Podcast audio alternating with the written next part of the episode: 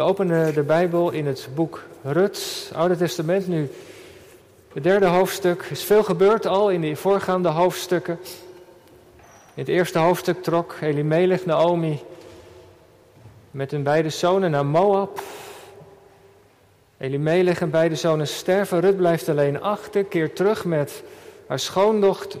Naomi keert terug met de schoondochter Rut. En dan gebeuren hoofdstuk 2 allerlei bijzondere dingen. Vorige week over gehad dat ze op de akker komt. En dat er een verbinding ontstaat met Boas, die een familielid blijkt te zijn. Dan zijn we aangeland bij Rut 3. Een heel bijzonder hoofdstuk.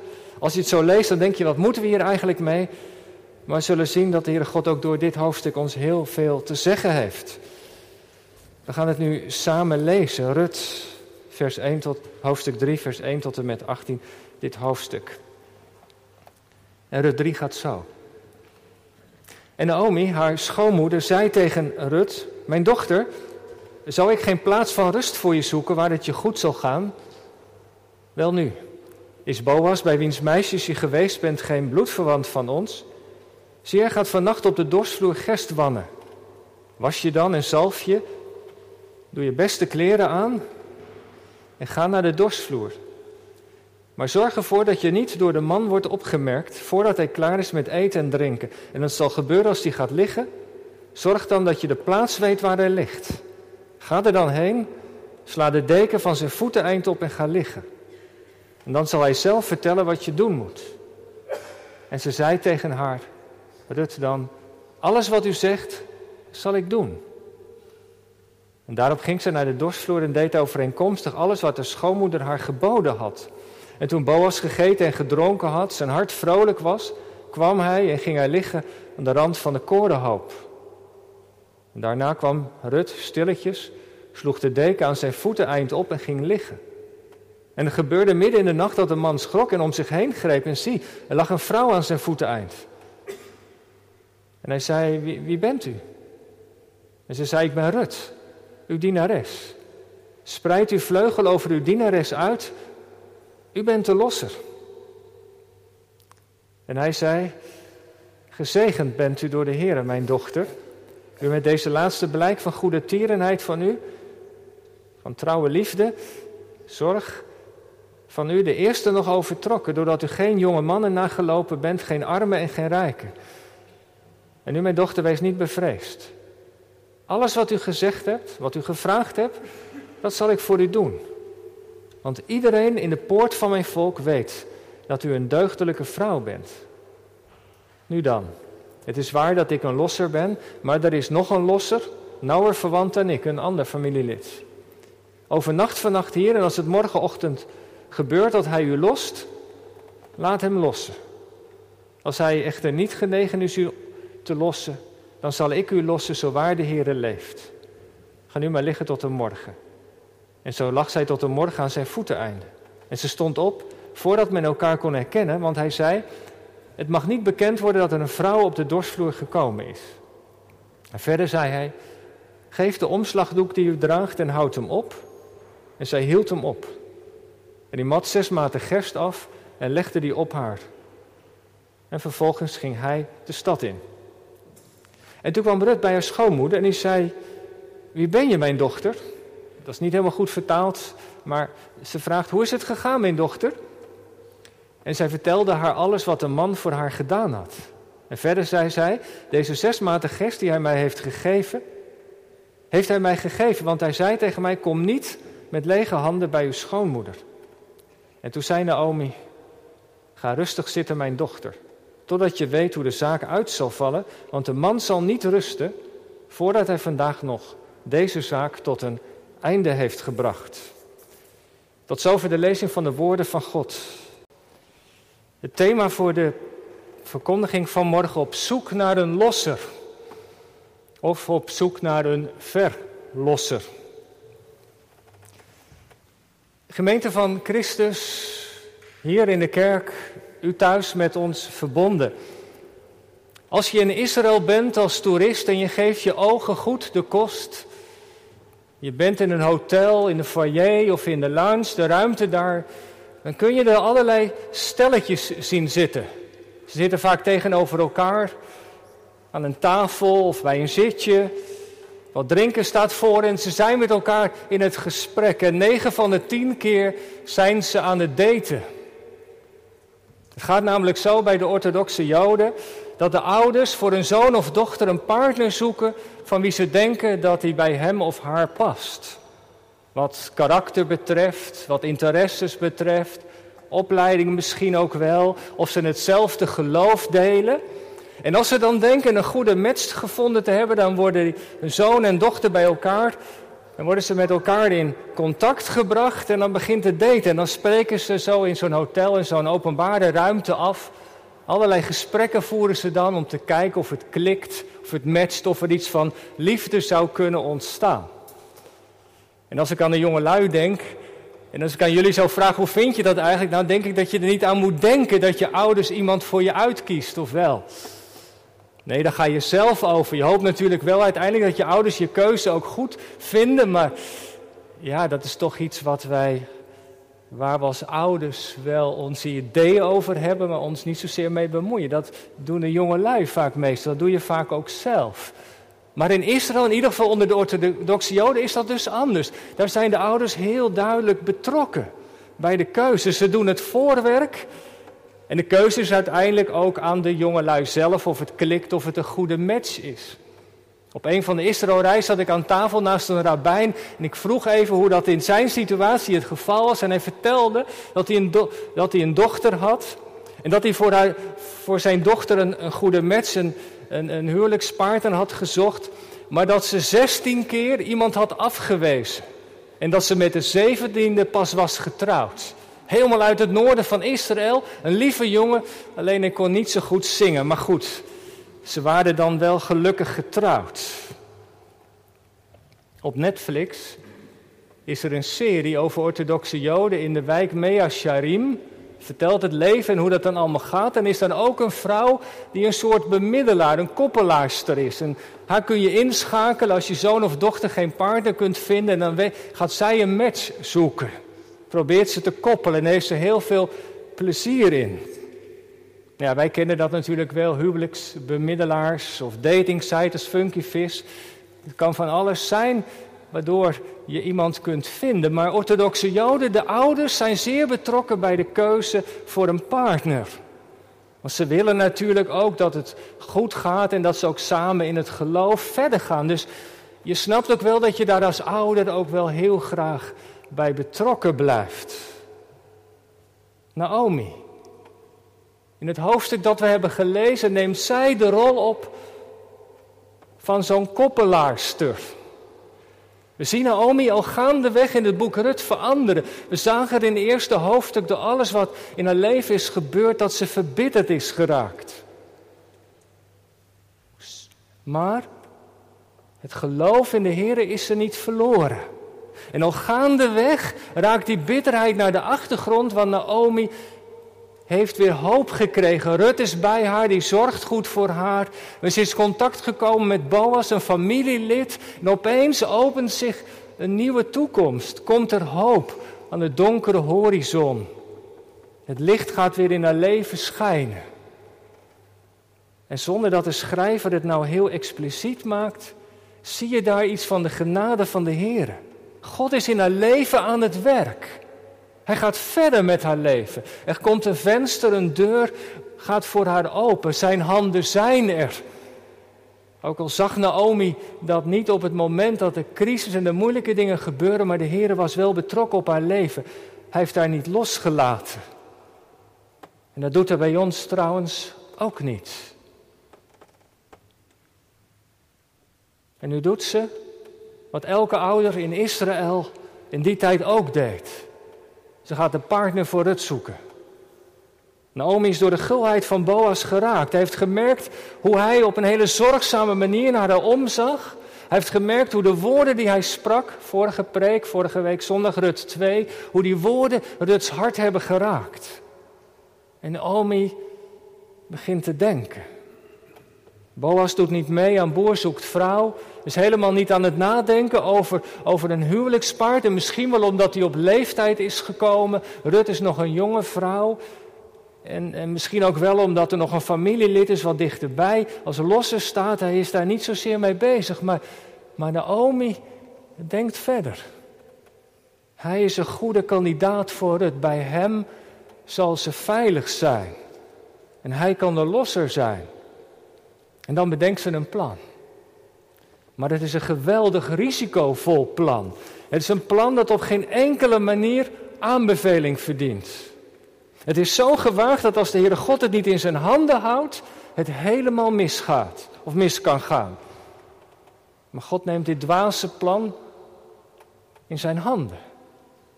En hij buigt het en keert het ten goede. Wat is het plan van Naomi? Nou, Rut moet zich wassen.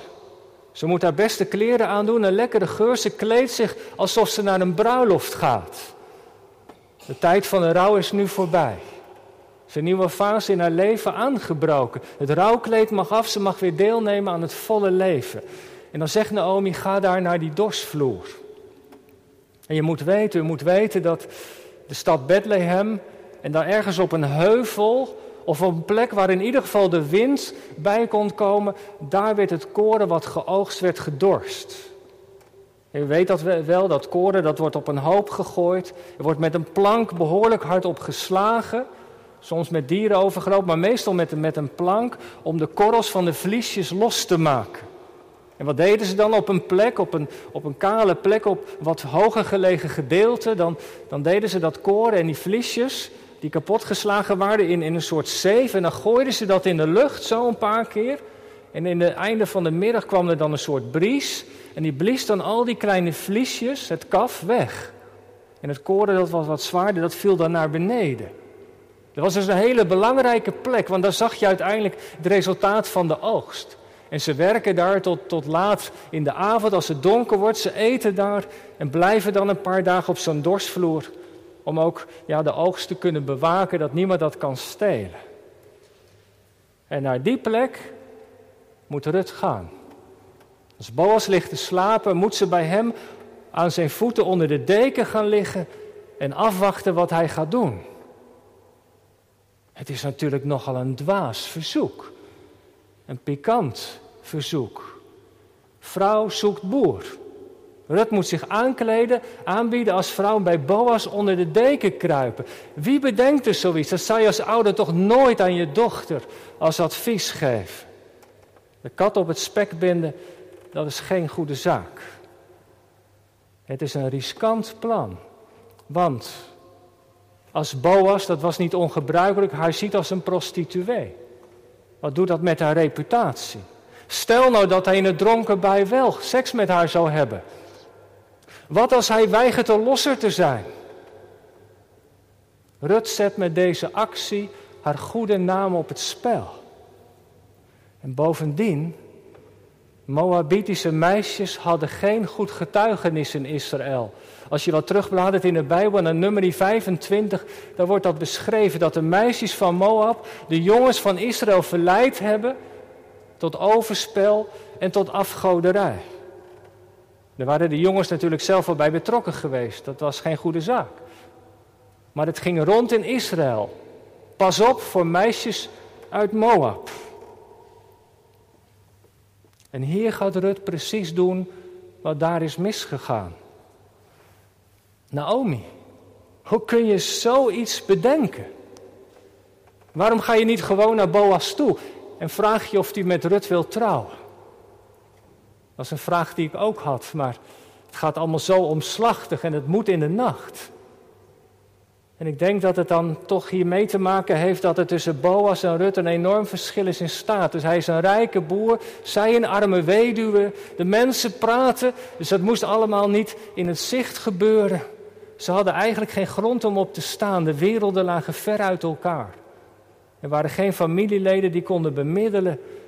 En dan bedenkt Naomi dit plan. Maar geen advies, nogmaals, dat wij als ouders aan onze kinderen moeten, moeten geven. Als God het niet in zijn handen neemt, dan gaat het niet goed. En dat is nou het wonderlijke van de Heere God, dat Hij dit vreemde plan in zijn handen neemt. Dat Hij met al die rare dingen van ons mensen raad weet en dwars daardoorheen werkt. Als Boas diep slaapt, komt Rut naar hem toe. Ze doet precies wat Naomi tegen haar heeft gezegd. Maar wat bezielt haar? Waarom zou je als vrouw je zo in de waagschaal stellen? Waarom zou je doen wat je schoonmoeder je verteld heeft? Dat is het eerste wat Boas aan haar vraagt. Wie ben je? Wat kom je hier doen? Hij schrikt midden in de nacht wakker. En dan draait Rutte niet omheen. En ze zegt: Spreid uw vleugel over uw dienstmaagd uit, want u bent de losser.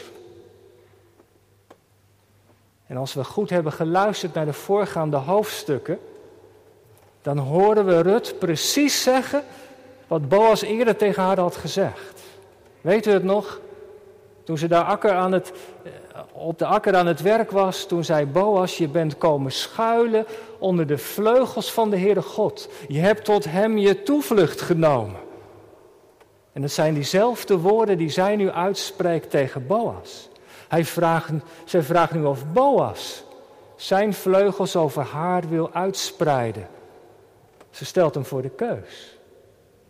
En nu kan hij niet langer meer naar de Heere God verwijzen. De Heere God zal je wel helpen, maar nu komt de vraag op hem toe. Ben ik bereid om op deze vraag in te gaan?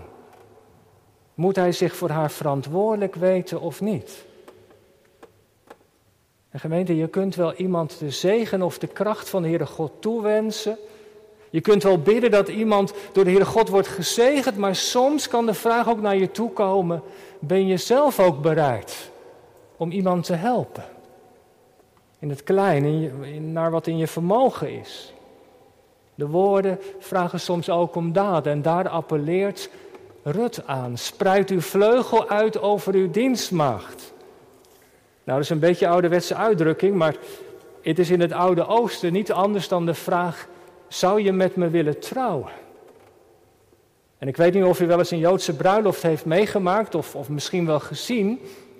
Als een, een, Joodse man trouwt met een Joodse vrouw, dan is daar op de huwelijksdag ook een ritueel dat hij zijn gebedsmantel pakt en die over zijn aanstaande vrouw heen werpt. En dat dat symbool, dat komt, die symbolische daad, zijn talit, werpt hij over haar heen om teken dat, dat hij voor haar zorg zal dragen, dat ze onder zijn bescherming mag vallen. Mag ik schuilen onder jouw vleugel? Vraagt Rut aan Boas. En in één adem, want u bent de losser. Dat woordje losser speelt een belangrijke rol in het boek Rut. Wie is de losse? De losse, dat is een familielid die het recht heeft om grond wat verloren was gegaan, wat verkocht was, weer terug te kopen. De Heere God had aan de Joodse families, aan Israël, een stukje grond gegeven. Dat was een erfenis, familiebezit, een nagala. Dat bleef in de familie. Maar als je door armoede of door slechte oogst of door, door, door tegenvallende dingen het niet lukte om, om, om voor je eigen stukje grond te zorgen en je moest het uiteindelijk verkopen, dan bleef daar het recht om het terug te kopen. Wanneer de situatie anders was, of als je een familielid had die geld had, die kon het voor je terugkopen, zodat het familielid bleef. Dat recht, dat was er altijd. En de losser is een familielid die van dat recht gebruik kan maken als hij daartoe in de gelegenheid is. En Rut vraagt dat dan aan Boas. Wil jij de losser zijn van het erfdeel van Elimelech en van zijn zonen? En de losser, dat is iemand die de failliete inboedel opkoopt. Die kocht je vrij. Rut vraagt dus twee dingen aan Boas. Wil je met mij trouwen? En wil je de schuld van onze familie op je nemen? De losser die koopt je vrij. Je neemt alles wat verloren is gegaan voor zijn rekening. De failliete inboedel, wilt u dat doen? Wilt u mij aanvaarden met al mijn tekorten? En gemeente, dat, als je nou even wat verder denkt, het woordje verlossing, wat voor ons verbonden is met de Heer Jezus, heeft hier eigenlijk alles mee te maken. Als Rut aanklopt bij Boas en vraagt of, of hij haar leven en haar tekort, haar schulden voor zijn rekening wil nemen. Dat is nou precies wat er gebeurt als je tot geloof komt. Als je met je leven naar de Heer Jezus gaat. En je hele bestaan als het ware in zijn handen legt. Geloven dat is overgave. Dat is de, je leven, alles wat daarin is en wat daarin niet op orde is ook. Voor de Heer Jezus neerleggen. Wilt u mijn losser zijn? Neemt u mijn leven voor uw rekening. En de Heer Jezus wil niets liever als je naar hem toe gaat. Hij wil niets liever dan je losser, dan onze verlosser te zijn. Maar dat gebeurt er dus. Die neemt heel je inboedel voor zijn rekening. En je mag leven op zijn kosten, op zijn genade. De Heer Jezus is de losser, de verlosser. En als je Hem kent, dan ben je vrijgekocht dus. En hoe is dat bij jou, hoe is dat bij u? Is die band met de Heer Jezus ontstaan? Zou je kunnen zeggen, Hij is mijn losser? En zo niet, vandaag kun je dat nog doen. Maak mij tot uw kind. Jawel, je moet de regie uit handen geven. Neem mijn leven in uw handen, maar hij doet het niet liever. Om je losser te zijn, om voor je in te staan, je schuld te vergeven en je een nieuw begin te geven. En dat is wat Rut vraagt aan Boas.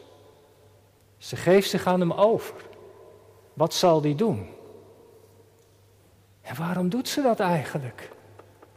Waarom gehoorzaamt ze aan Naomi en geeft ze zich zo over aan Boas? Ze handelt niet uit Eros, maar uit Agape.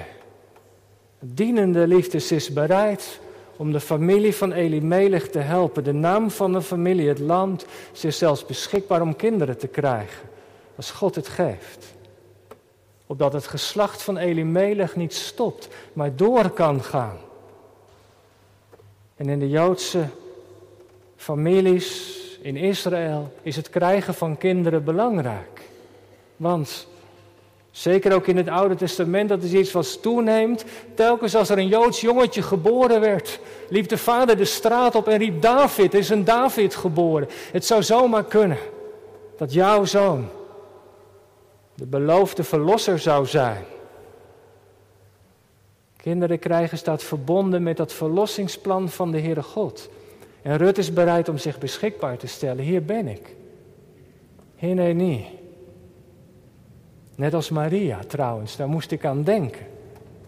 Maria, de moeder van Heer Jezus, als de engel bij haar binnenkomt en over dat wonderlijke plan van de Heere God vertelt. Mij geschieden naar uw woord. Zegt u het maar, Heere God, als u mij wilt gebruiken. Hier ben ik. En zo gaat Rut naar Boas. Hier ben ik. Neem mijn leven. Ze legt het als het ware in de handen van God. En dan is het goed. En wat doet Boas? Het antwoord van Boas. Als die vraag van Rut op hem afkomt en hij voor de keus staat. Wat doe ik? Dan denk ik, alhoewel de schrijver dat niet zegt, maar dat er in hem ook wel een besef is van dit mag ik niet uit de weg gaan. Dit is wat God van mij vraagt. En ook Boas is beschikbaar. En hij spreekt warme woorden. Hij zegt, Rut, je bent gezegend. Je beschikbaarheid is oprecht. Ik heb gezien dat je niet achter allerlei mannen bent aangelopen. Je hebt je helemaal dienstbaar opgesteld, beschikbaar om de wet van God te vervullen. Wees niet bang. Ik zal mijn verantwoordelijkheid nemen. En ook Boas voegt zich in het plan dat voor hem ligt. Jawel, er is nog een ander familielid wat, wat iets nauwer verwant is.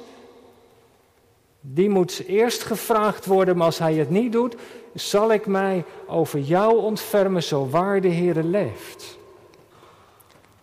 En gemeente, is dat niet prachtig? Even terug naar de tijd. We zitten in de tijd van de richteren. Iedereen doet wat goed is in zijn eigen ogen. Mensen gaan hun eigen weg. Luisteren niet naar de Heere God, lappen zijn geboden aan de laars. In de man-vrouw verhouding is van alles mis. Gods wet wordt met voeten getreden. En opeens zijn hier twee mensen die het goede doen. Ze voegen zich in het plan van God. Ze grijpen niet vooruit op de liefde, maar ze wachten tot alles goed geregeld is. Ware liefde wacht. Weet u, dat is bijzonder. Want allebei, jongelui, allebei hebben ze een besmet verleden. Moab, waar Rut van afstamt, moet je wel terugbladeren in de Bijbel.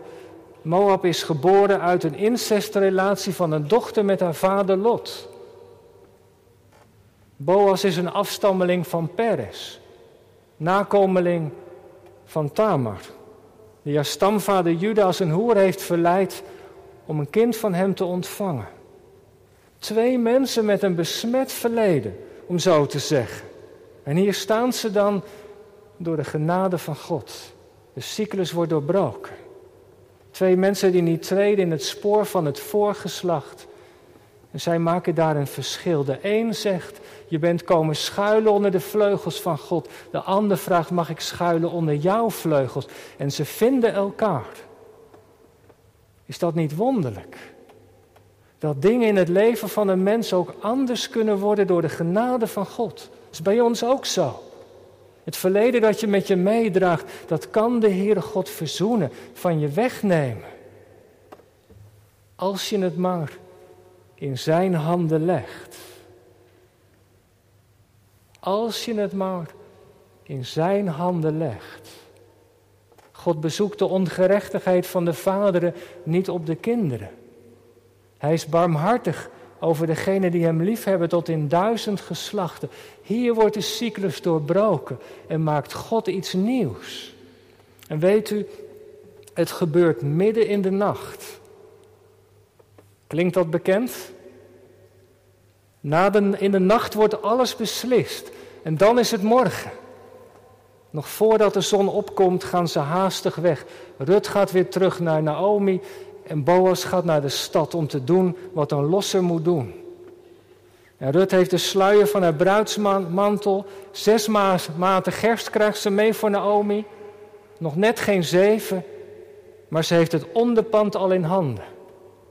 En zo gaat ze naar Naomi en, en Boas naar Bethlehem. wat zegt Naomi in het laatste vers van het hoofdstuk? Mijn dochter, wees nou maar rustig. Ga maar zitten en wacht. Hij zal niet rusten voordat hij de zaak heeft volbracht. Weet u, ik ga afronden. In deze laatste woorden van Naomi zit eigenlijk heel het evangelie. Hij zal niet rusten voordat hij het heeft volbracht. Dat is toch wel een mooie link naar de Heer Jezus, vindt u niet? God die het er niet bij laat zitten, hij brengt verlossing in de nacht. Zo is het toch ook met Heer Jezus gegaan, die beschikbaar was om de failliete inboedel van ons mensen voor zijn rekening te nemen. En heeft hij gedragen tot op het kruis van Golgotha. Hij kwam in ons bestaan. Geen probleem te moeilijk, geen zonde te groot, geen schuld te diep. Hij rustte niet voordat hij alles had volbracht. Als de grote losser heeft hij de vroege paasmorgen de overwinning behaald. Van alle schuld en zonde van ons mensen. En wat waren de eerste woorden die hij zei? Wees niet bevreesd. Ik ben de losser. En dat is het evangelie. Wat wij ook vandaag mogen horen. In de persoon van Boas zien we iets van de persoon van de Heer Jezus oplichten. De losser die niets anders wil dan het leven van ons in zijn handen nemen, om het te vernieuwen, om de schuld te verzoenen en ons weer hoop te geven. Door de genade van God gebeuren er zulke wonderlijke dingen, zoals in het leven van deze twee mensen. Wat doen ze zelf? Ach ja, niet zo heel veel, ze zijn beschikbaar. En God doet de rest. Zo werkt Gods leiding en Gods voorzienigheid ook in ons leven. We hoeven niet zoveel te doen dan ons leven in zijn handen te leggen en te wachten. Hoe de geest komt en ons bij de hand neemt. En hoe hij ons leven tot zegen maakt. Om ons in te zetten. In kleine dingen van elke dag. Wat is er nodig? Overgave. Beschikbaarheid. Net als Rut en Boas. Meer niet. En God doet de rest. Want Jezus is een volkomen losser. Hij maakt af. wat hij is begonnen. En dat is een hoopvol bericht voor ons allemaal. Geloof het evangelie en leef. Amen.